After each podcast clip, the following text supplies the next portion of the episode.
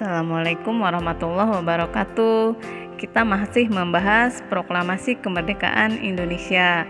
Nah, eh, bagi kalian eh, yang belum tahu, ada beberapa fakta menarik loh seputar 17 Agustus 1945. Ada beberapa informasi seputar peristiwa bersejarah bangsa Indonesia, yaitu proklamasi kemerdekaan Republik Indonesia. Apa saja fakta-faktanya? Kita sebutkan satu persatu.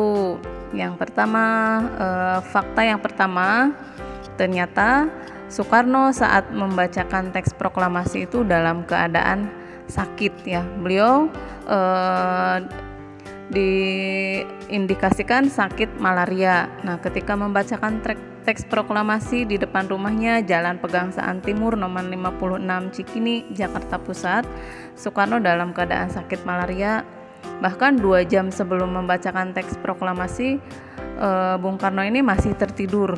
Ya, sekitar pukul 10 beliau bangun, beliau membacakan eh, teks proklamasi dengan semangat berapi-api dan membacakan teks proklamasi dan menyatakan kemerdekaan Indonesia. Kemudian beliau eh, kembali masuk ke dalam rumah, minum obat dan tertidur kembali. Nah, fakta yang kedua, Ternyata teks asli teks asli proklamasi ditemukan di tempat sampah. Naskah asli teks proklamasi yang ditulis tangan oleh Soekarno ternyata ditemukan di tempat sampah di rumah Laksamana Maeda. Nah, seorang wartawan yang bernama Burhanuddin Muhammad Dia atau yang kita kenal dengan BM Dia menemukan teks tersebut lalu menyimpannya selama hampir 47 tahun. Wow, cukup lama ya. Kemudian BM Dia menyerahkan teks tersebut kepada negara pada tanggal 29 Mei 1992. Hingga saat ini naskah tersebut tersimpan utuh dan aman di Museum Arsip Nasional.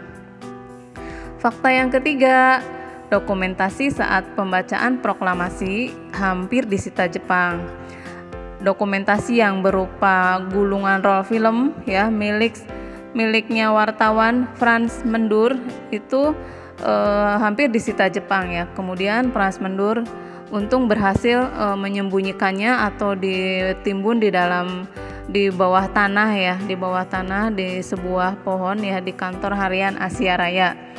Nah, ketika Jepang menanyakan kepada beliau, Pras Mendur e, bilang tidak memiliki dokumen tersebut. Wah, cukup cerdas ya. Nah, fakta yang keempat, ternyata bendera pusaka merah putih itu terbuat dari kain spray loh. Nah, saat pembacaan proklamasi bendera merah putih yang ada ternyata terlalu kecil yaitu cuma 50 cm. Kemudian ibu negara yaitu Fatmawati yang dalam keadaan hamil besar, beliau mengambil spray putih dari dalam lemarinya. Nah, untuk kain merahnya, seorang pemuda yang bernama Lukas Kastario itu membelinya dari penjual soto loh. Nah, luar biasa ya perjuangannya.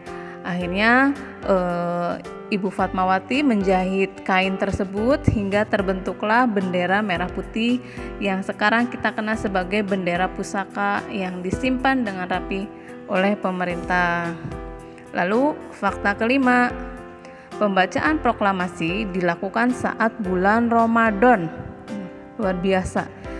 Pembacaan proklamasi dilakukan saat bulan Ramadan 1945. Tepatnya pada 9 Ramadan 1334 Hijriah. Momen bersejarah ini semakin menambah indahnya Ramadan kala itu.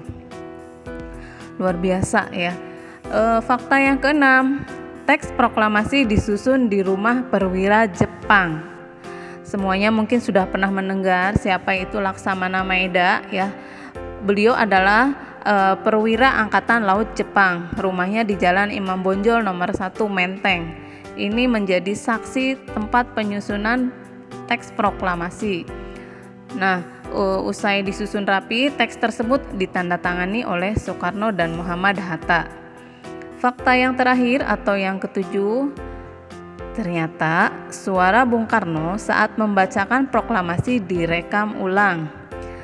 Suara Bung Karno yang sering kita dengar di televisi, di YouTube, dan sebagainya ternyata uh, itu suara rekaman yang uh, itu memang asli ya, tetapi direkam ulang ya pada tahun 1951 di Radio Republik Indonesia untuk kebutuhan dokumentasi negara karena suara yang asli ketika dulu uh, waktu membacakan itu tidak ter terdokumentasikan dengan baik. Nah, demikian fakta-fakta menarik seputar peristiwa 17 Agustus 1945. Nah, terima kasih. Semoga bermanfaat. Assalamualaikum warahmatullahi wabarakatuh.